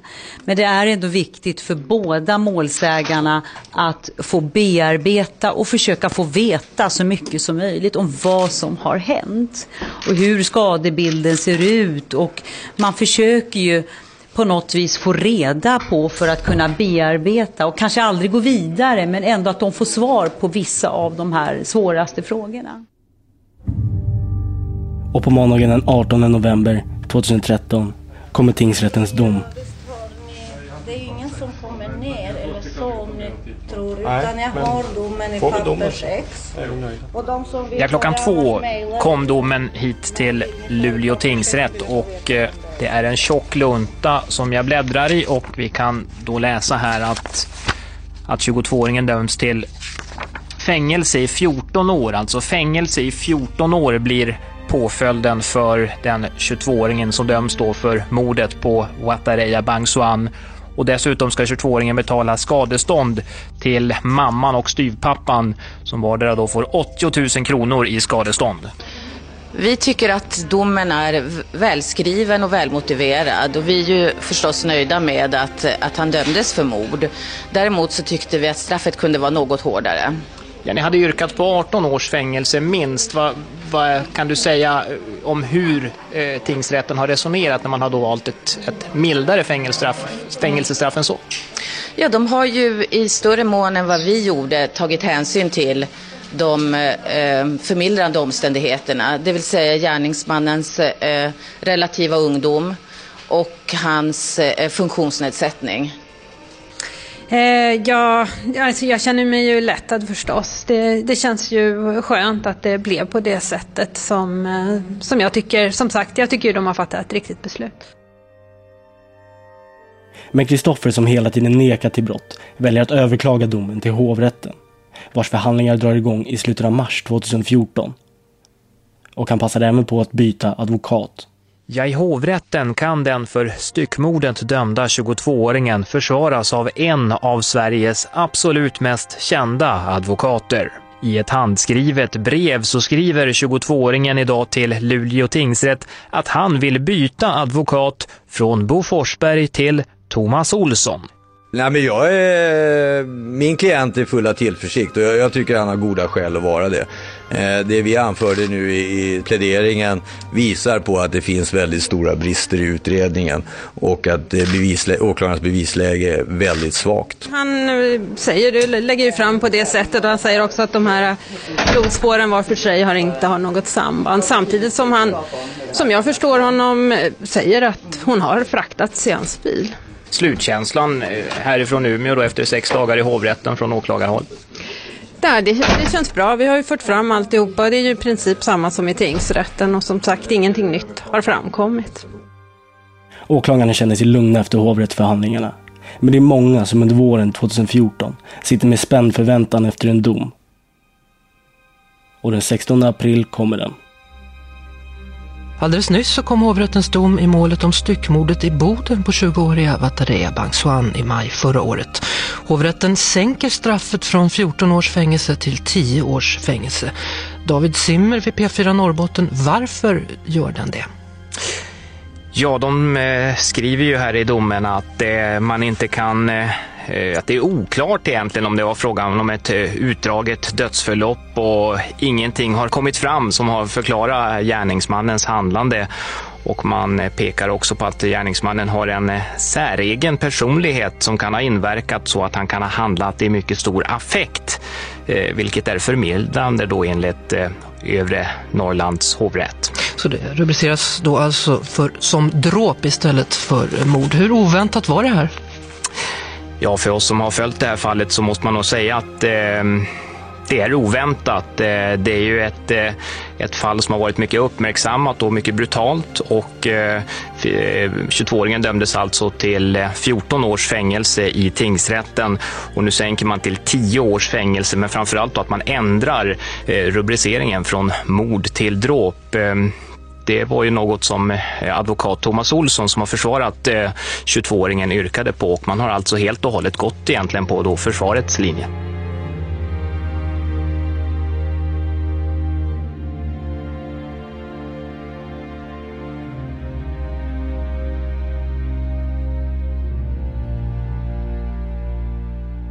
Ett av Sveriges mest uppmärksammade styckmord ändras alltså i hovrätten till dråp vilket är ett domslut som säkerligen plågar Vatchareas redan mycket plågade familj. Vi hör Vatchareas styvpappa från tingsrätten. Det här är värsta mardrömmen man kan ha att eh, man ville vakna upp men det gick inte.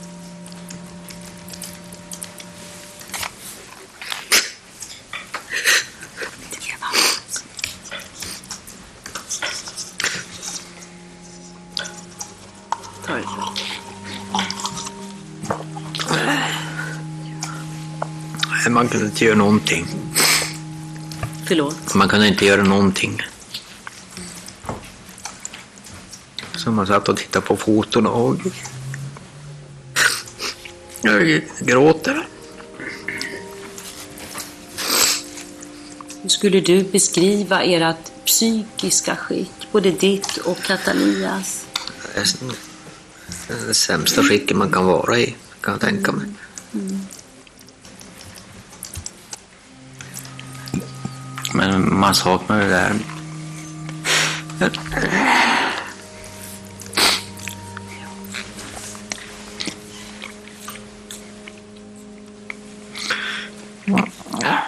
En gång till. Telefonsamtalen och smsen på veckorna. Det var så svårt. Mm. Jag var tvungen några gånger att gå ja, per dag, ibland att gå på toaletten och sitta där ett tag själv på jobbet. Jag skulle klara dagen.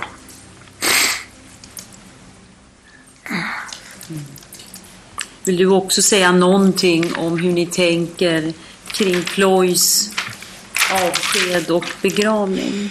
Ja, det kommer ju hållas en begravning, när man sen mindre begravningsceremonin kommer att vara och det kommer att vara i kyrkan. Sen kommer hon krimineras. Och sen ska ju urnan till Thailand.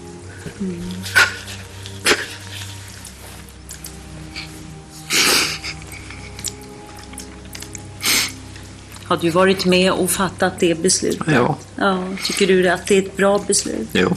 Mm. Och den här uppgiften som Catalia har lämnat om att hon vill under inga förhållanden bo kvar i Sverige. Jo, det vet jag. Mm. Hur känns det då? Lite jobbigt, men jag förstår ju henne. Mm. Eh, jag kommer åka dit när jag har semester. Mm. Och sen när pension ska jag vara där nere själv.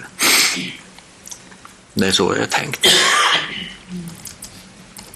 Så ni kommer fortsätta vara man och Ja, hustru? jo. Mm. Så det blir ju prata med, te med telefonen emellan varandra. Vilket skick tycker du själv att Catalia är i idag? Nej, inget bra. Berätta, utveckla det där lite närmare. Nej, kan inte sova. Svårt att äta. Om man säger så. Så det är ju det är ett problem och jag gråter ofta. Samma som jag. När man ser bilderna och tänker på allt vad hon har gjort. Tänker på bilder och, och vad hon har gjort och sådana här grejer. Glad tjej. Mm. Finns det någonting mer som du vill säga? Jag kommer vara så här. Så länge händerna inte, det som saknas inte fin, finns, kommer att hittas, då får jag ingen ro. Jag kom, det kommer inte vara avslutat för mig. Så länge händerna inte hittar? Nej, Mm. så de vill jag ha, komma fram. Mm. Skulle du vilja ha svar på fler frågor Varför? från Kristoffer? Varför? Mm. Vad har han gjort för ont? Mm.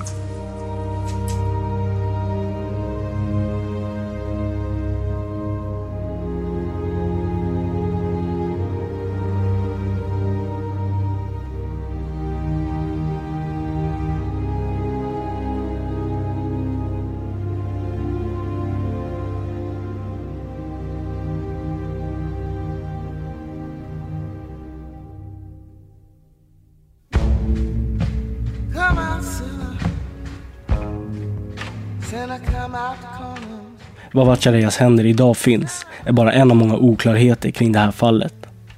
Man vet fortfarande inte var Vatchareeya mördades, exakt hur hon dog, när hon dog eller vad som var mordvapnet eller motivet. Man vet heller inte när hennes kropp styckades eller när delarna fraktades till fyndplatserna. Och vad är det för skrik som hördes från Kristoffers lägenhet under vad som antas vara kvällen för mordet? Och vad är det Kristoffer ses bära ut från sin lägenhet dagarna efter? Och vem är det som är med honom? Kristoffers uttalande om att han var den sista som såg henne i livet och alltså inte den senaste som såg henne innan hon försvann är måhända en klumpig formulering. Men det är något han har sagt flera gånger, både för vänner, poliser och i rättssalen. Han verkar helt enkelt säker på den saken.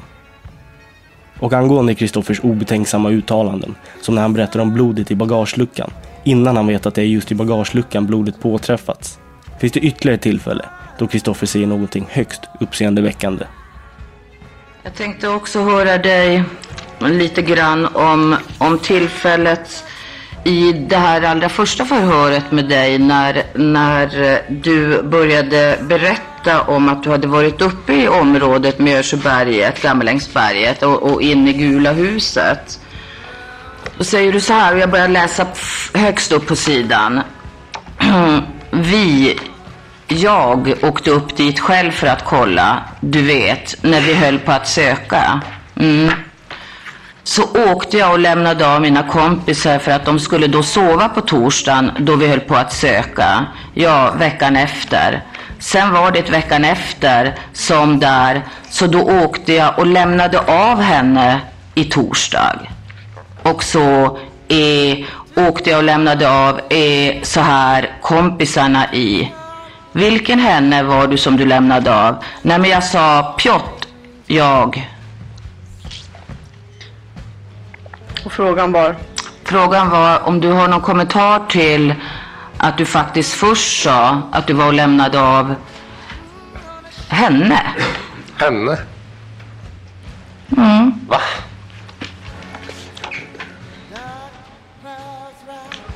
Vart då? Så då åkte jag och lämnade av henne i torsdag. Nej, det, det där måste varit något fel. Det, vi, jag har inte varit och lämnat av någon i Tor. Alltså någon flicka, så vitt som jag vet.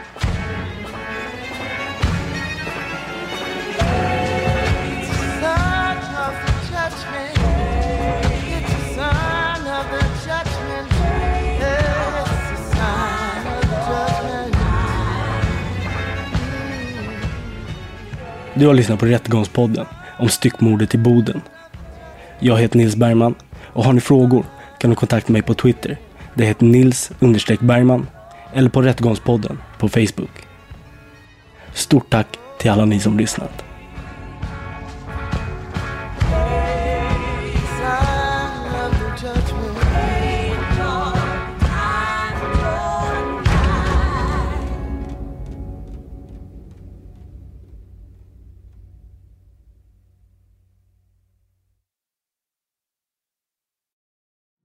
Rättegångspodden är en Tall Tale produktion.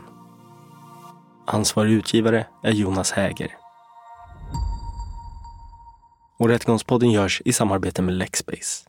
Ange rabattkoden Rättegångspodden när du blir ny betalande medlem på lexbase.se och få tre kostnadsfria domar.